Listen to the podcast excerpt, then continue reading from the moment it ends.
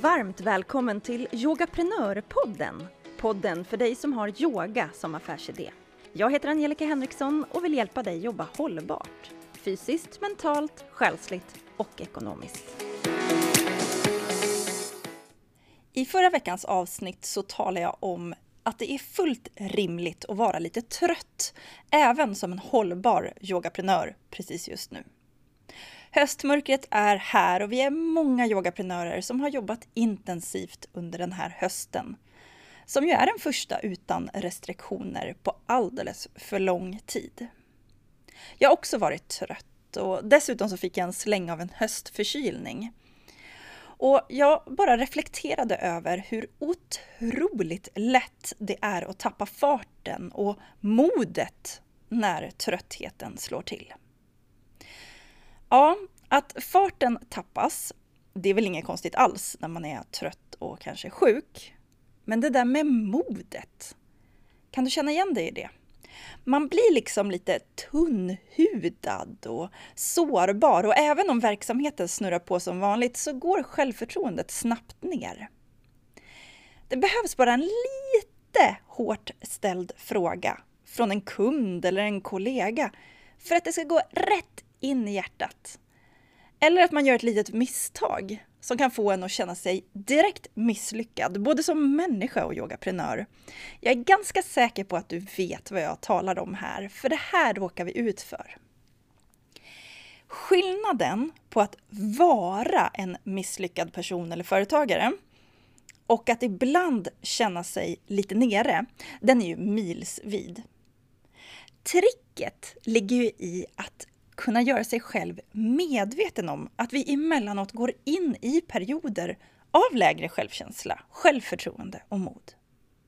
Den medvetenheten i sig, den är ju en superkraft.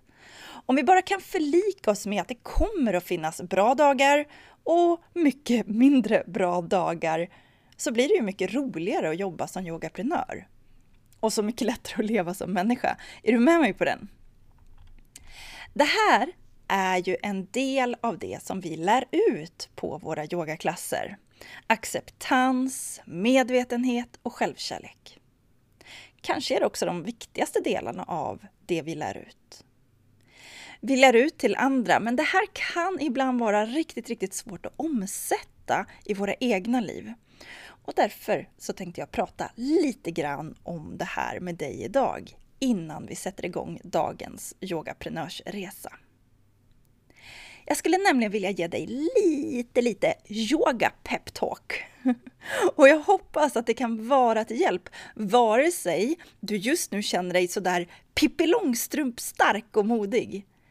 Eller om du i detta nu allra helst skulle vilja ligga under en filt med någon som killar dig sådär skönt i nacken och säger att allt ska bli bra. Jag vet en sak om dig och det är att du sitter på någonting som är riktigt, riktigt viktigt. Oavsett vem du är och vad du har varit med om så har ju du mött yogan och fått, ska vi kalla det för en uppenbarelse? Du har i alla fall fått en känsla, en visdom, en klarhet eller vad du nu väljer att kalla det, som har förklarat för dig att det finns mer i livet än vad du kanske hade trott tidigare. Du har fått en förståelse för din kropp, dina tankar och känslor, men kanske också om världen runt omkring dig, människorna som finns runt dig. Du har grundat dig i någon slags filosofi, ett levnadssätt och en gemenskap som i bästa fall till och med har ökat din livskraft. Men yogan har gjort mer än så för dig. Den har också gjort att du nu sitter på möjligheter att lära ut det här till andra. Din upplevelse av vad yogan har gjort för dig har gjort att du vill dela det här till andra. Kanske vill du göra det till de som var där du stod förut, då innan du kom i kontakt med yogan. Eller i alla fall innan yogan la de där pusselbitarna som du behövde för att förstå mer, för att känna mer. Det här vet jag med all säkerhet, för det finns inte en chans att du skulle lyssna på den här podden vecka ut och vecka in om du inte kände igen dig i den här känslan.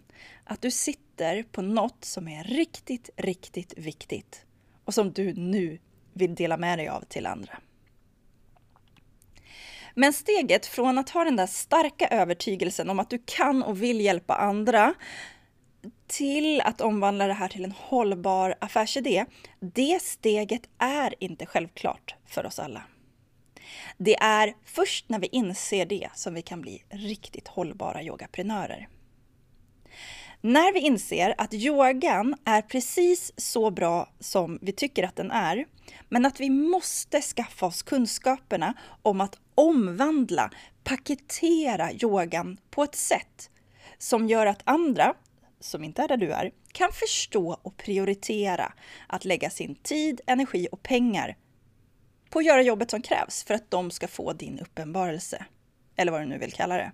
Hängde du med på det där? Du tycker att yogan är fantastisk, men du behöver kunskaperna för att paketera om det här så att andra kan förstå. Så att andra förstår att det är de som behöver lägga sin tid, sin energi, sina pengar till dig för att du ska kunna hjälpa dem framåt för att nå samma viktiga, viktiga sak som du sitter på.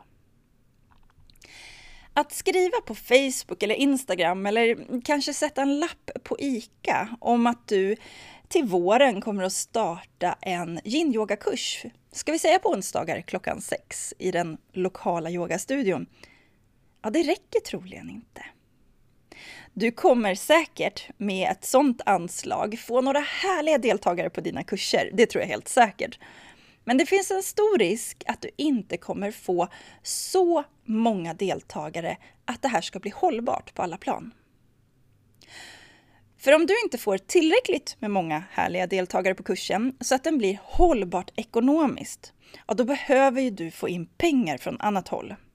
Och då kanske du måste jobba någon annanstans och då finns det en risk för att du inte får det här hållbart fysiskt eller mentalt eller kanske inte själsligt. Utöver att det inte räcker att bara skriva som jag sa, så är ju våren en otroligt knepig tid för oss yogaprenörer. Mellan påsk och midsommar så är det väldigt få som köper en yogakurs. Det gör att du behöver säkerställa att du får in intäkter under januari, februari, mars som täcker april, maj och juni, kanske till och med juli och augusti om inte du har ett sommarerbjudande såklart. Dessutom är januari för många årets fattigaste månad, vilket gör att du med största sannolikhet behöver försöka få in vårens bokningar innan årsskiftet. Vilket i sin tur leder till att du behöver ha klart hela vårens planering nu i november. Ja, det här kan ju knäcka den bäste som inte har kunskaper om hållbart företagande. Men om du skaffar dig kunskaperna, då blir det istället tvärtom. För medan jag har gått igenom en tid av lite minskad fart och lite minskat mod på grund av just trötthet och förkylning, så har det rullat in resultat i mina kanaler från mina medlemmar i Yogaprenör. När jag får höra att de har sålt alla platser till vårens kurser och vågat höja priset. När de har fått fler uppdrag än de hade vågat hoppats på. När de har satt igång testgrupper för att kunna förbereda hela 2023 års utbildningar, ja men då kommer ju krafterna tillbaka till mig. Jag, jag jobbar hela tiden på att bli bättre som hållbar yogaprenör och jag vet att jag behöver bli bättre på att planera in för energidippar och förkylningar. Jag måste tillåta mig själv att få vara lite tunnhudad och sårbar.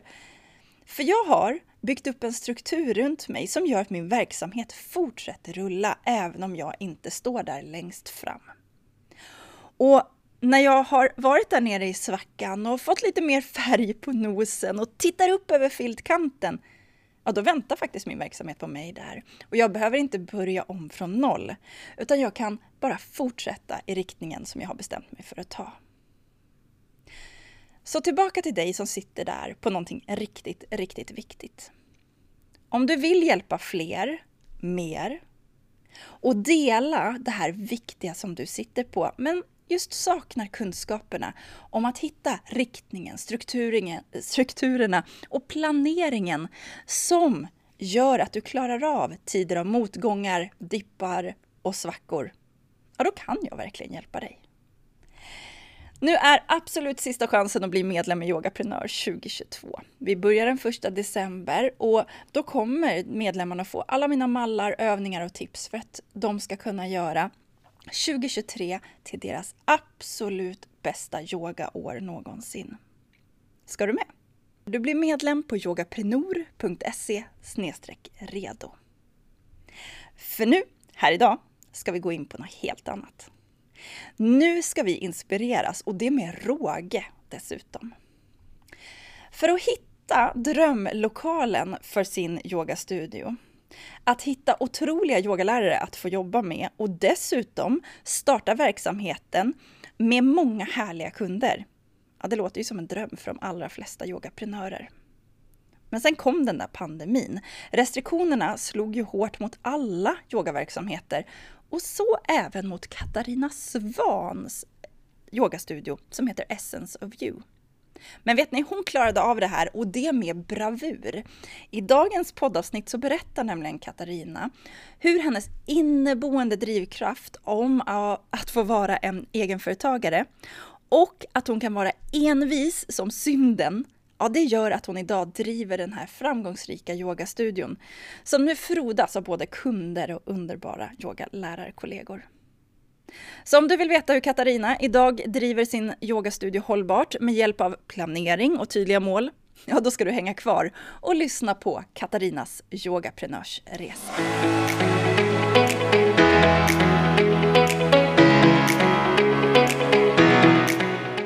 Då säger jag hej och varmt välkommen till Yogaprenörpodden Katarina Svan. Tackar, tackar. Roligt att vara med. Äntligen är du här. Jag är så himla glad. Du ska känna dig varmt, varmt välkommen hit. Kan inte du bara lite kort berätta vem du är och vad du gör som yogaprenör idag? Yes, Katarina heter jag. Jag är urgöteborgare från början, men bor sedan 20 år tillbaka i Alingsås, som ligger ungefär fem mil från Göteborg. Och jag har jobbat med det mesta, både som anställd och som egenföretagare, men eh, kände väl någonstans på vägen att egenföretagare, det är det jag kommer att bli till slut. Och så blev det. Och sen eh, 2020 så driver jag yogastudion Essence of You i Alingsås. Just det. Och då kan ju alla som tänker och räknar lite, yogastudio startad 2020, pandemi. Här finns det lite spännande saker att prata om. Jag är glad att du är här. Jättebra idé att starta företag då, ja. Kanon. Det här vill vi höra mer om. Men kan vi backa bandet lite och bara få höra, hur kom du i kontakt med yogan och blev yogalärare och sedermera yogaprenör? Ja, det är en lång historia. Jag har en bakgrund som gammal landslagsgymnast, så det här med eh, friskvård och röra på sig och gymnastiska rörelser, det har liksom funnits med i mitt liv ända sedan jag var tre. Eh, så det har jag haft med mig hela tiden. Eh, men yogan kom mer och mer in i livet. Det var i slutet på 90-talet. Jag gick på min första riktiga yogaklass tror jag. Mm. Eh, och sen dess har den liksom legat, i, legat med mig i bakgrunden och jag tyckte om det. Men jag började utbilda mig själv som yogalärare någonstans runt 2016. Och det var i samband med att det hände en massa grejer runt omkring mig. Eh, jag hade varit på samma företag länge, kände det var dags för något nytt. hände mycket privat och sådär, så att jag kände att jag, jag behöver vända på någonting. Och då blev det rätt naturligt att eh, åka iväg, eh, utbilda mig till yogalärare. Gick min första 200 timmars där och då. Och sen var liksom eh, resan igång. Hjulen hade börjat snurra. Wow! Vart och i vilken yogaform var det du utbildade i? Jag hade ashtanga med mig från början. Eh, från Göteborg, eller Hindås utanför. Nej, inte alls Hindås, Hovås! utanför Göteborg hos Balansyoga började jag. Och sen eh, gick jag en eh, multistyle-utbildning, Vinyasa Hatta Yin, i Spanien. Så jag fick med mig lite av varje faktiskt. Så det, det var en bra start och sen har jag liksom fortsatt olika spår efter det för att fördjupa. Var det så en intensiv utbildning då, så du var borta länge i Spanien och gjorde Ja, det var tre veckor. Mm. Uh, och det var ju yoga från sju på morgonen till nio på kvällen. Alla dagar utom en i veckan. Det var verkligen fullt ös. hade du ja. undervisat någonting innan dess? Ja, men det hade jag. Mm. Mest med vänner och bekanta och grannar och sådär. Så att eh, jag kände mig ändå ganska så trygg med mm. att det var det här jag skulle göra. Eh, så det, det kändes bra. Vad blev steget när du kom hem då från den utbildningen? Ja, det gick ganska fort. Ehm, jag har en god vän som är fastighetsägare och det var väl något år efter att jag kom tillbaka som hon sa till mig att jag har en lokal som jag tycker du ska vara i. och då var jag tvungen att gå och titta på den. Och det här var då i, det måste ha varit i oktober, november 2019. Eh, mm. Och i januari 2020 så öppnade jag min studio i den där lokalen. Så det, det gick väldigt fort när jag väl hade landat, så att säga. Men wow, hade, fanns det en dröm där om att just starta en studio? Jag menar steget från yogalärare till att öppna studio är ju ändå en liten bit. Ja, jo men visst, jag hade hjälpt en kompis att starta upp en studio också så, och det var ju otroligt härligt. Eh, och det var några år tidigare. Men, men jag hade väl egentligen inte riktigt, jag var inte riktigt framme själv med att jag skulle göra det, men när hon presenterade lokalen och jag började tänka på riktigt på något sätt, det var då det var då det hände, så att säga. Och sen gick det ju i hundra knyck. Verkligen. och bara ja. det är samma lokal vi pratar om som du befinner dig ja, i jag är nu. Kvar. Det är, är där, mm. det var den som, som pratade med dig så att säga. Va, yes. vad, vad hade, hur gick tankarna? Jag förstår att det gick jättefort, men, men såg du idén? Eh, skulle det vara många yogalärare, många stilar? Hade du en tydlig nisch och målgrupp redan där? Eller hur, hur funkade det där från start? Jag ville ha många olika yogastilar, för det fanns inte i Allingsås. Mm. Utan eh, det var det ena och det andra. Eh, och mycket yoga på gym och sådär fanns det. Mm. Eh, så jag, jag, kände väl att det här skulle bli Allingsås yogastudio nummer ett. Och yes. hade ju lite kontakter runt omkring med yogalärare som jag knöt till mig. Och sen så kom det bara lärare till mig som jag aldrig hade känt. De bara klev in innanför dörren och, och de är ju kvar. så helt fantastiskt, de bara dök upp, hittade mig. Det var fler än du som hade saknat en yogastudio? Ja, men det var nog så. Ja. Absolut. Det fanns... Men sen var jag, så här i backspegeln var jag ju inte, jag var inte färdig, så att säga. Det vet jag ju nu. Det, jag sprang ju bara. så nu har jag ju lärt mig så mycket längs med vägen. Visst, jag var inte ny som egenföretagare. Det var jag inte, för jag hade drivit bolag innan, på innan. Men eh, det här var ju något nytt. Så oj, vad jag har lärt mig. Kan du ta på någonting där, vad som är en liksom stor skillnad i det du gör idag kontra när du drev bolag förut? Är det något som du tänker på är annorlunda? Ja, men jag är ju fortfarande en mästare på att springa på alla bollar och eh, få nya idéer varannan minut. Men, men nu kan jag liksom hämta hem mig på ett annat sätt och, och strukturera mig. Men eh, som ny företagare och allt ska göras på en gång. Eh, jag köpa in alla grejer till studion, eh, få, på in alla lärare utan avtal i början. Det gick bra ändå, men ändå. Eh, sköta all ekonomi, för det hade jag ju jobbat med innan. Så det kunde jag ju sköta all marknadsföring, det hade jag ju jobbat med innan. Jag, och det kunde jag ju. Så att jag, jag, jag tyckte att ja, men det här, jag klarar ju allting själv. Mm. Absolut, jag har ju jobbat med allt. Och visst, det gör man väl kanske, men inte i längden. Så det där med att be om hjälp, våga släppa lite grann, mm. kontrollfreaks eh, som jag också har. Det hade varit bra att göra där i början.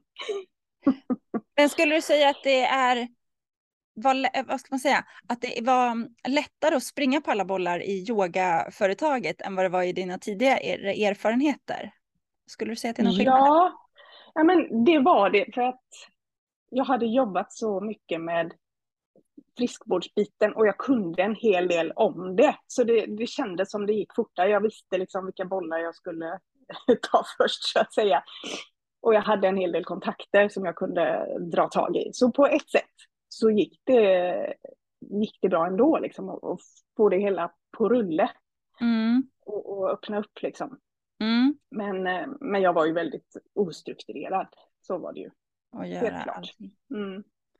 Jag bara tänker på att är det något mm. som jag får höra från yogastudioägare och absolut får plocka fram från min egen erfarenhet så känns det som att det finns så få begränsningar i en yogastudio. Att just mm. det där om man är lite lagd åt att ha många idéer så finns ju möjligheterna, alltså de är så många att det är svårt att veta vad man ska säga nej till eller inte göra. Upplever du också det? Absolut, så var det verkligen i början. Ja. Eh, man fick ju förslag från alla håll och kanter. Men det här skulle vi kunna göra och det här skulle vi kunna göra. Och, och visst, man sa ju nästan ja till allt för det var så himla roligt. Utan att tänka efter. Ja, men jag så, tänker att det kanske kan vara skillnad från ett annat företag mm. där man kanske har en mm. tydligare, så här, jag, jag håller på med ekonomi till exempel. Ja, då kommer ju inte någon farande och säger, kan vi inte ha workshop i det här? Utan då finns Nej. det en tydligare, men yogan eh, och framförallt när man har en fin lokal där många mm. härliga krafter samlas i, så måste man ju tyvärr vara den där mer eftertänksamma och bromsande som en mm. vd i ett sånt företag. Är du med mig Precis. på den tanken? Absolut. Mm. Och det är väl där jag har hamnat nu på senare tid. Nu är jag en helt annan person, helt klart. ja. Men du drog igång då, det är ändå i januari eller där i början av 2020. Mm. Då stod vi ändå, då visste vi ändå inte vad som skulle hända kring pandemin. Så du hade ju Nej. ändå fullt ös på. Skulle du köra på det här på 100 procent? Var det tanken? Ja, nej men absolut. Ja. Så var det ju. Jag hade ju släppt allting. Mm. Ehm, och det gick ju bra. Vi var ganska duktiga på att liksom, um, marknadsföra i förväg och sådär. Hade skapat lite bass kring det här. Så att när vi hade öppningsdag och prova på gratis hade jag då. Skulle jag inte göra idag. Ehm, det var ju fullsmockat här inne. Det var ju skohorn för att få in folk. Wow. Eh, och då kunde man ju packa ihop dem, det gör man inte nu. Nej. men, men så det kom jättemycket folk och det startade bra. Liksom. Jag, jag var ändå rätt nöjd med första veckorna där. Men sen eh, kom ju slutet februari, början mars. Ja, då, då blir det ju helt annorlunda kan man säga. Kan du komma ihåg vad som blev skillnaden liksom, när restriktionerna slog till, eh, när det började, det blev ju först ett litet så här snack, man visste ju inte riktigt vad som skulle hända. Vad hände konkret hos dig i studion? Men, I hela stan blev det ju mer eller mindre tomt. Eh, min studio är mitt i centrala stan, bara några steg från gågatan här. Och det var helt tomt i stan, det kom ju inga på yogaklasserna. Eh, jag hade bestämt mig för att inte stänga, för det, var, det här var ju mitt jobb liksom. På något vis måste jag ju få in pengarna. Och det är ingen stor studio. Eh, restriktionerna, kvadratmetersrestriktionerna kom ju liksom inte med en gång. Men jag hade fortsatt öppet och det var ju några tappra själar som ändå dök upp. Så jag höll öppet hela tiden. Men eh, mina lärare var ju självklart inte kvar. De behövde ju satsa på annat liksom för att få in pengar. Så jag höll väl 12 till 14 klasser i veckan enligt schemat i alla fall. Sen var det ju inte alla som blev av, men många. Eh, och ibland kom det bara en person, men jag körde ändå. För jag tänkte, jag får ändå hålla liv i det här liksom, och inte dö ut. Så eh, jag harvade Ja, kanske inte så mycket annat. Att, kanske inte så mycket annat att göra när man står där. Nej, Valde la in lite online, eh, ja. online hybridklasser också. Ja. Eh, så att det, det, gick att lösa på den vägen. Mm. Togs det emot av dina kunder, online och hybrid? Jo, men då var det ändå ganska nytt. Så det, det var ju ingen eh, översvallande inget översvallande mottagande så, men i alla fall ha möjligheten kändes ju bra. Mm. Vad som var tur, det var ju att jag inte hade några årsabonnemang eller någonting sånt, utan jag hade värdekort. Mm. Det var ju det var ingen som blev fast på något sätt i ett abonnemang som de inte kunde utnyttja på något sätt. Så det var tur i oturen och att jag inte hade några anställda lärare utan det var ju bara kontrakt oss emellan som företagare. Ja, och det var... var ju räddningen. Du fick tuffa på det. Och värdekort, det funkar lite grann som klippkort ungefär. Ja, men exakt. Ja, man har... direkt eh, variant av värdekort. Jag hade det systemet först. Mm. Just det, så då fick det funka. Mm. Ja, varken du, jag eller någon annan yogaprenör kunde ju där och då, typ sommaren 2020, förstå hur länge vi skulle bli påverkade Nej. av detta. Fanns det några ljusglimtar, några bottennapp under tiden som du minns så här i backspegeln? Det är ju som ett enda töcken. Två åren tycker jag. Och på ett sätt känns det som de har flugit förbi ganska fort, vilket känns skönt. Eh, vad som var bra var att jag hade yogaklasser utomhus under sommaren i en park här och då kom det ju faktiskt lite folk. Det, det fungerade ju så att de tuffade på ganska bra. Eh, men det var ju segt alltså att vara ensam i studion här och inte dra in några pengar att tala om utan man fick ju knapra på det man hade sparat. Så ja. det var ju ingen rolig period alltså, absolut inte. Nej. Vad fick dig att fortsätta? Ja, en enveten än. det skulle ju gå. Ja. Så var det ju. Det var ja. övertygelsen liksom. Ja, ja, men absolut, absolut. Jag tyckte ju att jag hade en, eh, en bra affärsidé och att det borde funka. Och, eh, och själv, sen självklart, jag hade ju ett kontrakt på tre år med min nya lokal. Mm. Så det är ju också en, en grej. Ja, det fanns mm. ingen, inte så många vägar ur där. Nej. Nej. Att göra. Det faktum att du faktiskt hade en väldigt bra start där i januari, februari, gav dig, den dig lite kraft igenom att det ändå fanns en vilja att ha en yogastudio i Jo, jo, absolut. Man tänkte ja. tillbaka till det och, och, och, förstod ju att eh, det finns ju någon typ av behov i alla fall. Ja. Och förhoppningsvis att de här som var och testade oss skulle komma tillbaka på sikt då. Mm. Mm.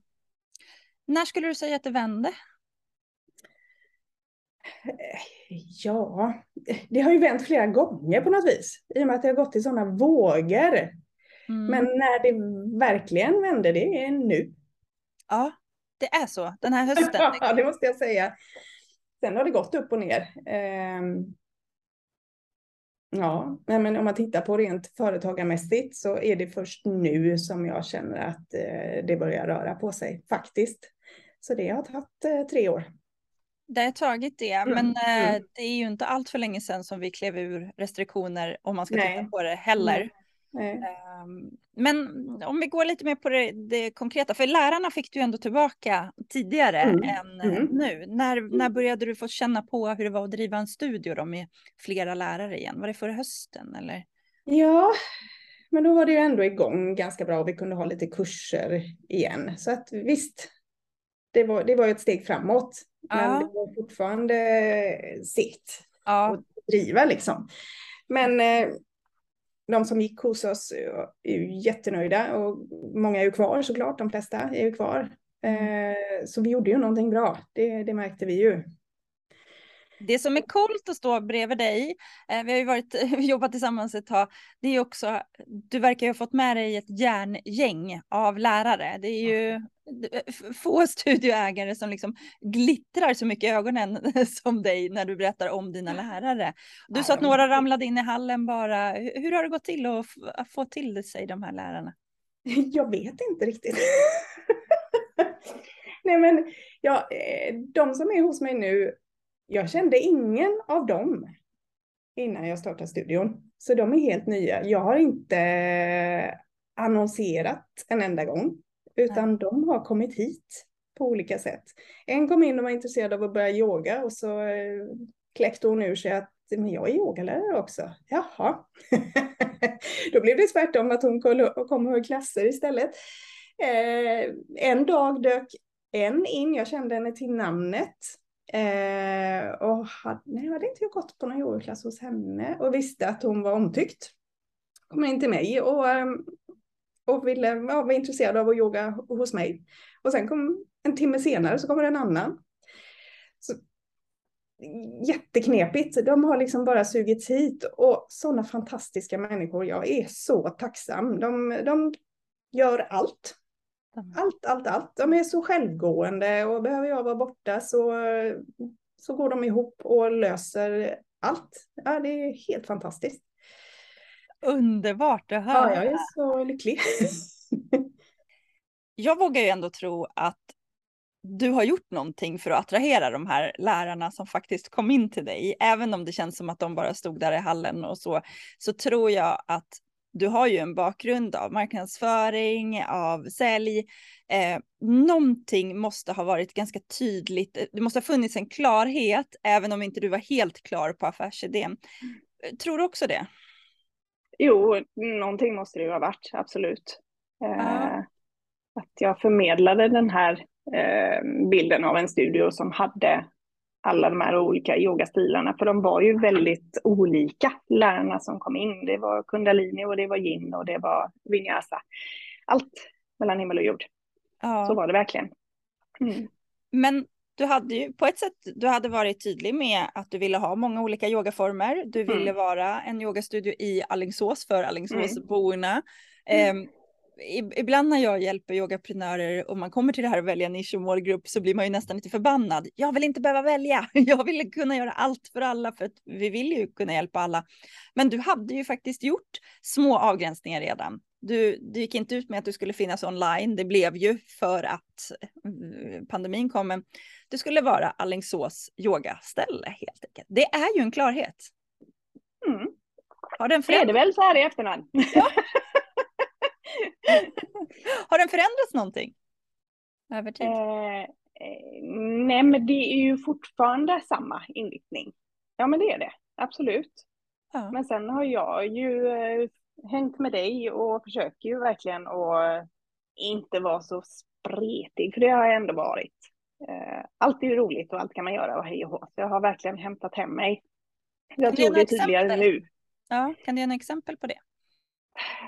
Oj, nej men jag, jag planerar i förväg. Eh, jag tänker mig för innan jag går ut med någonting. Jag, om det kommer någon, eh, någon som skulle vilja hålla en workshop eller någonting så tänker jag efter för är det här någonting som ger studion något extra som gör att jag som företagare, studion växer. Jag säger inte ja direkt utan jag tänker flera varv innan jag tar beslut. Mm. Det är nog väldigt stort i, inom alla områden. Mm. Jag är lite mer besvärlig. så, och det behövde jag, så det, det är jättebra. Ja. Absolut. Mm. Vad hittar du glädjen i att fortsätta driva yogastudion då när du nu står lite utanför den personen du har varit tidigare? Om du tidigare sagt ja till saker och ting och tyckte mm. att det var rätt roligt och så. Nu hamnar du ju lite som ett ankare och lite som en bromskloss i, ibland. Hittar du fortfarande passionen i att driva det? Fast du har en ja. annan? Ja. ja, det är ju så roligt. Det är ju så roligt att driva företag. det är ju det, trots allt som kan dyka upp. Ja, du gillar att ha vd-hatten på ändå eh, yes. och få göra det riktiga. Ja. Du gjorde ju en ganska stor ändring faktiskt. Du sa förra hösten mm. så fick du yogalärarna tillbaka till dig och sen gjorde du en stor omändring förra vintern. Vill du berätta om den? Mm. Eh, jag kände ju att det här med att leva på klippkort, det var inte hållbart, utan kunderna kom ju och gick väldigt mycket. Ehm, och från början så eh, arvoderade jag inte lärarna, utan de hyrde, hyrde lokalen per timma. Och så fick de betalt för de eleverna som kom och det där blev, det så blev ett hästjobb för mig. Att jobba med Boka Direkt som jag hade då, som inte var helt kompatibelt med, med yogastudions verksamhet, men som ändå funkade bra till en början. Eh, kontra lärarnas arvoden och alltihopa på en gång. Det gjorde att eh, jag satt nästan en timme med varje lärares arvoden och vad de skulle betala i hyra och, och sådär varenda månad. Det blir så otroligt mycket mer jobb. Och så ville jag ju bli eh, mer hållbar. Ehm, så att jag vände på steken. Jag eh, gick ut till alla mina yogalärare och sa att nu, eh, nu kommer allt förändras. Jag bestämde mig för att använda Zoeasy som bokningssystem som är ett stort bra system som kostar en del men som har sparat mig otroligt mycket tid. Och istället arvodera lärarna per timme. Så nu får de en fast summa per timme plus moms som de får fakturera mig varje månad. Och eh, det sköter jag med en knapptryckning i Suici så vet jag precis. Ja, det är så skönt. Oh. Så, att, så mycket extrajobb som har försvunnit den vägen.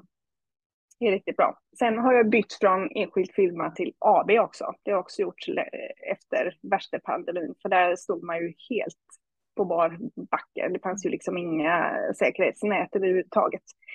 Så det känns mycket säkrare att ha ett AB istället. Så det har jag också gjort. Så det är många sådana här...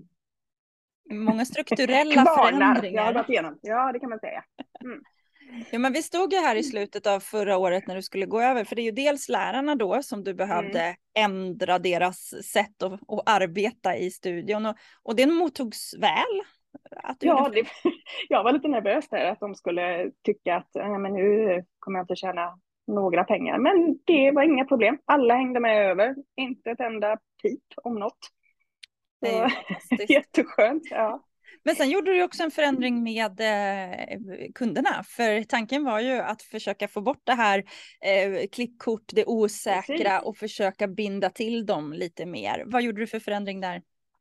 Jag började sälja årskort. Oh. Årskort och halvårskort och månadskort och sen finns det klippkort. Mm. Ja.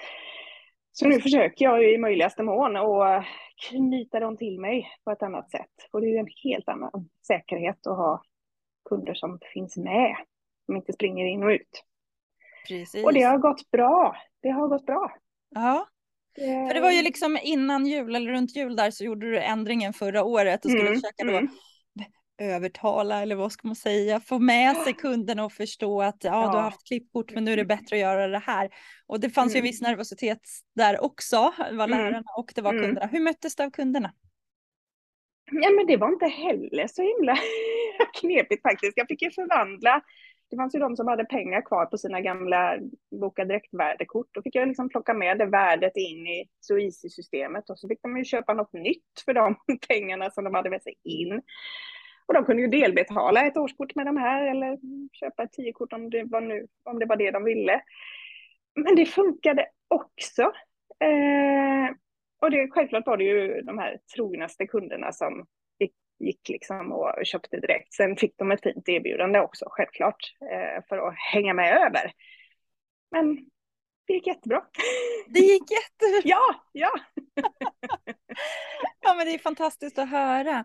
Mm. Ehm, jag minns att du sa att från när man har sålt liksom klippkort tidigare så blir lite den här känslan, man har en stor försäljning i början av höstterminen och i början av vårterminen och så ska mm. man på något sätt disponera pengarna ut över terminen. Och det gör ju att i slutet av en termin så står man ju ofta om inte barskrapad så i alla fall med mindre pengar för att nästa termin har inte tagit fart. Men ditt december i fjol blev annorlunda. Ja, ja men eh, slutet av året här var ju fantastiskt. Då, så mycket pengar på kontot har jag aldrig haft. För att du helt enkelt sålde i förväg istället ja. och knöt dig an kunderna mm. längre. Vad mm. gjorde det för skillnad för dig? Om vi bara liksom lyfter på en lite mer filosofisk själslig nivå. Att stå där i december där det inte är slut på kontot utan det istället mm. finns mer pengar än vad du brukar ha. Vad gjorde det med dig? Ja, men det, det gjorde ju att jag kände mig mer säker som eh, företagare, att jag var på rätt väg. Och, och det gav ju otroligt mycket energi såklart att uh, jobba framåt. Sen, sen eh, är det ju liksom inte, de pengarna är ju inte kvar på kontot. De ligger ju inte där, utan det är mycket som ska betalas sen och, och det är ett jobb, ett ständigt jobb att få in nya kunder.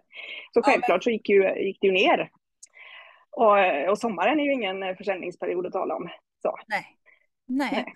Och kan vi lyfta det ifall det är någon nu som lyssnar på podden som mm. inte har, har liksom hört oss prata om det här tidigare. Alltså de allra flesta yogastudios som driver det lite så traditionellt som du jobbar, de har ju en försäljningsperiod mellan, säg augusti och påsk ungefär. Mm. Mm. Skulle du hålla med om det? Absolut, alla gånger. Så är det. Och sen är det många månader av liksom väldigt mm. sporadisk försäljning. Mm. Och då har man ju på något sätt två vägar att gå. Det ena är ju att se till att försäljningen under den här perioden täcker de an den andra tiden och man kanske får den liksom välförtjänta vilan, återhämtningen, att det ska vara en downperiod för eh, studien eller kanske en, en, tid av leverans till de som har köpt kurser. Men man gör inte så mycket försäljning och inte så mycket tryck för det. Det andra alternativet är ju att skapa ett annat erbjudande som faktiskt täcker den här andra tiden. Att man mm. kommer med någonting nytt. För att försöka sälja ett årskort i juni, det är inte lätt. Nej, det gör man inte. Nej. Nej. Och då tänker jag bara varför vi liksom pratar om det. Det är så att så ser cykeln ut. Och då kan vi inte riktigt sitta som studioägare mellan påsk och juli och säga att icing, det går inte att driva en yogastudio, det är så svårt. Nej, ja, det är svårt att driva yogastudio, mm. men vi måste lära oss att se året. Vi måste lära mm. oss att se vad kunderna är för något och så förhålla oss till det. Och sen mm. ligger ju den här planeringen, för du gjorde den stora omändringen i december mm. eller över vintern. Det är ju inget som görs i ett nafs på något sätt alls. Eh, du fick bra gensvar och visst mötte du upp med nya kunder i januari också? Mm, absolut, absolut. Ja. Mm. Så det var inte bara liksom de gamla godingarna som hängde med utan? Nej, det kom nytt också. Det gjorde ja. det. Mm. Och sen vet ju jag att du har satsat på hösten liksom egentligen sen dess. Du har ju planerat upp för hur ska det se ut? Hur bromsar vi under sommaren för att eh, väga upp under det, att det kommer vara minskade intäkter? Mm. Och sen är det full gas i augusti. Och hur har det mötts här nu då? Augusti, september, början oktober? Ja, nu är det ju helt fantastiskt. Om jag jämför med förra året. Ja. Helt klart. Det, det är en otrolig skillnad. Och vad är de stora skillnaderna då? Vad, vad, vad händer? Kommer folk bara till dig sådär? Eller vad gör du? Ja, men dels så hjälper ju eh, mitt bokningssystem till. Eh, jag säljer ju via nätet. Jag, man behöver inte komma till mig eller kontakta mig för att köpa kort, utan mitt bokningssystem och hemsidan är ju samma sak. Så allting går att köpa hemifrån. Så jag kan ju sitta hemma och titta på tv och pling och så är det någon som har köpt ett frikort. Han vad kul! Vad roligt! Eh, ja, det är så himla bra. Eh, så det är ju jätteskillnad. Och sen, eh, sen är jag ju på på ett annat sätt. Jag, jag är ju med och följer upp och eh, ja, jag beter mig annorlunda. Ge några exempel. Vad gör du? Nej men nu, nu har jag ju verkligen planerat och det var jag ju dålig på redan från första början och även när jag hade avslutat första omgången med yogaprenör så var jag fortfarande inte särskilt duktig på det där. Nu vet jag precis vad jag ska göra varje dag. Jag skriver vilka timmar jag ska göra vad.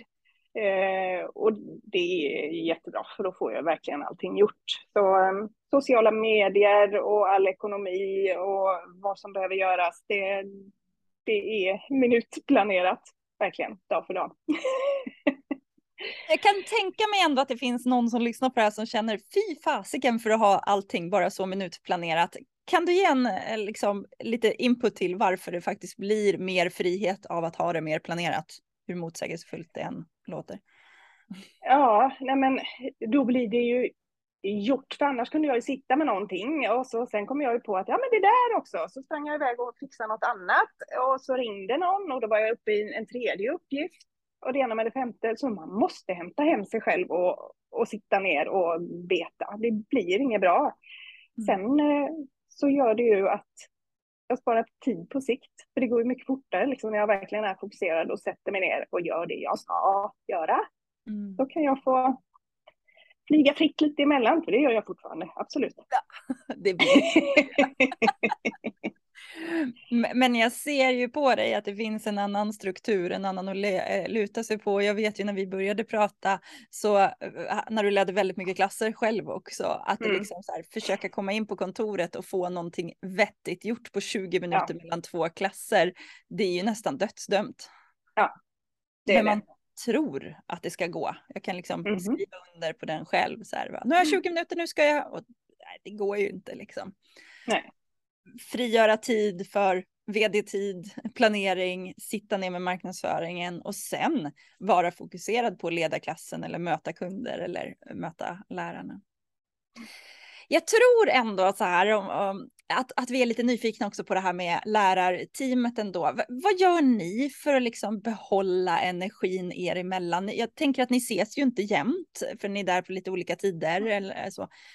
Vill du berätta lite, vad gör ni för att behålla magin? Eh, vi har en eh, messengergrupp som vi kommunicerar i, så alla är med där. Eh, så när jag hittar på något nytt knasigt så skriver jag det där i, så de är förberedda på vad som händer. Eh, där eh, hör man av sig om man behöver eh, vikarie för en klass till exempel. Hojtar lite i förväg och så, oftast så löser det sig på ett litet kick för det är någon som ropar till och den tar jag så är det klart. Eh, sen eh, försöker vi att eh, samla ihop oss på riktigt lite då och då. Dricka lite bubbel, eh, ha lite roligt, äta middag. Mm. Eh, sist blev jag kidnappad när jag fyllde 50. Då kom de och hämtade mig hemma. Oj! Allihopa. Ja, och så åkte vi ut till, eh, till en av lärarnas härliga ställe som har en brygga rätt ut i en sjö. Så där satt vi och, och mös halva kvällen. Så att, ja, det är ett sånt gött gäng så att ja, jag kan inte beskriva. Det är så fantastiskt. Vad härligt mm. att höra. Så, bra kommunikation skulle jag vilja säga. Mm. Avtal med lärarna varje termin. Eh, så allting är eh, solklart. Mm. Kommunicera, kommunicera, kommunicera. Mm. Just det, mm. Inget, inte ta något för givet. Nej. Bara för att det är självklart för dig så är det inte självklart för någon annan. Nej, nej. Ja, ja absolut. Um, ni har ju också haft lite sådana här äh, prova på-dagar och så. Du nämnde det att du hade gratis grejer där i början. Mm. Hur gör ni idag? Eh, vi har lite sådana här prova på-arrangemang eh, fortfarande. Men jag kör inte gratis. För jag upplever att eh, har man gratis då kommer de som gillar gratis. Och sen kommer de aldrig igen. Utan betalar man, det behöver inte vara en jättesumma, men betalar man en liten summa, då dyker man upp eh, och är lite nyfiken på att veta mer och eventuellt fortsätta. Så att eh, sist vi hade någon liten prova på-verksamhet så var det nog mer än, oj, jag har siffran i huvudet. Men då, dels så fick man betala en liten summa och dels så gav jag ett Eh, ett erbjudande på tio kort i, i samband med det. Och då var det över hälften som köpte de där tio korten. Så att, mm, ja. Då börjar det betala sig. Vi brukar ju säga when you pay, you pay attention. Så att det där stämmer verkligen. Ja. Men visst det blir en annan grej. Ja, det är jätteskillnad, absolut. Ja. Det är, sån otrolig, det är också sån otrolig skillnad på energin. Jag tänker för att du vill ju behålla den här härliga magin bland dina yogalärare och det här är att ska man bjuda in till ett gratis event så blir det svårt för dig att betala lärarna för att göra ett gratis mm. event. Eh, och till slut så kan då liksom energin dippa av om man hela tiden äter av den där generositeten. Om man istället, som du säger, man tar betalt en hundring, 150 kronor för att komma mm. på ett prova på-event beroende på vad man ska göra. Då finns det ju dels en liten ekonomi där som man antingen kan använda liksom rakt in till att göra någonting tillsammans, ni som jobbade där och mm. då. Alltså ja, det har vi också gjort. Mm. Det har ni gjort det, ja. Mm. Eh, och sen det där att det faktiskt leder till en försäljning gör ju att de lärarna får ju kanske träffa några nya människor som tar, de får träffa på sina klasser sen och så får de komma Absolut. ihåg det. Det blir en väldigt bra liksom jag pratar om energiutbyte, passar ju bra här bland mm. oss yogaprenörer. Men det händer någonting. When you pay, you pay attention. Och gratisanvändarna, de, de blir ofta energiätare. Mm. Ska vi dra det till Asteja eller vad vi nu vill göra, men det äts till slut på något sätt. Mm. Vad härligt att ni har fått sett det i praktiken, att det verkligen funkar. Mm, men det gör det. Ja. V vad händer här framåt då i studion? Vad är närmaste planerna? Ja, vi har eh, kurser igång nu eh, som har gått otroligt bra. In, aldrig haft så mycket bokningar på kurser som vi har nu. Vad är det för så kurser, det, typ? Eh, vi har nybörjare och vi har gravidyoga och det pågår även en sensing yogakurs. Och så har vi en yin, yin-kurs som är igång. Och sen har vi redan lagt ut kurser för nästa år som börjar i slutet februari. Ja, bra. Och början februari också. Ja, men precis. Ja. Har ni fått någon napp på dem redan eller är det för tidigt? Eh, nej, det är nog för tidigt. Ja. Men eh, bara så att det ska finnas ja. redan nu ute så kommer vi självklart att puffa för det framöver. Men, ja. eh, Jätteskön respekt för dina kunder. Att de vet vad som händer och kan börja planera och ta, ta form. Jättesnyggt. Mm. Mycket, mycket bra. Eh, vad ser du att studion ska ta vägen då? Framåt, har du satt några längre mål? Ja, men målet är ju fortfarande att bli liksom eh, yogastället nummer ett. Jag har en stor konkurrens i den här stan. Det är väldigt mycket gym, väldigt många frisörer och väldigt många kaféer i den här stan. och alla gym, i stort sett, utom de här små nyckelgymmen, har eh, yoga. Mm. Så det är ett väldigt stort utbud. Eh, så jag, eh, jag behöver fler kunder hela tiden. Det, mm. det är det som jag ständigt jobbar emot. Eh, ja. Eller emot, ja, det är målet alltså. Ja. Precis. Eh, jag tänker, nu minns inte jag hans namn, eh, har du tittat på Draknästet på SVT? Ja, några gånger. Mm. Ja, nu minns inte jag vad hans namn, han som driver massa gymkedjor, han sa det på en, en föreläsning att eh, det finns så mycket gym, han driver gymkedja och man tror lätt att konkurrensen ligger mellan de olika gymmen. Men han menar på att den största konkurrensen vi har, det är soffan. Alltså mm. om vi vänder oss till att inte konkurrera om de som redan eh, tränar någonstans utan vänder oss att hitta nya personer som inte har hittat sin träningsform, som inte har hittat sitt sätt att vara på. Där har vi framgången. Mm. Den har jag tänkt så mycket på i våra studier. Mm, det ligger något i det, absolut. Visst mm. är det Och det jag tänker det. att mm. de, nästan alla människor har testat gym. Man har mm. provat den grejen och bara känt att det är nog inte för mig.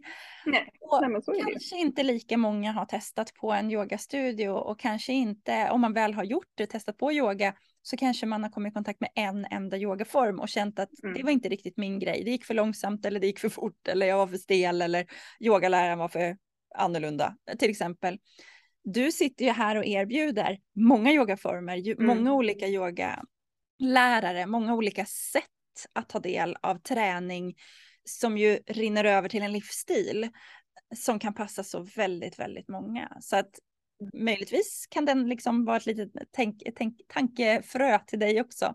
Ja, men absolut. Och det finns de som, som bara går hos mig. Jag har, eh, jag har ju yoga som är mer åt träningshållet.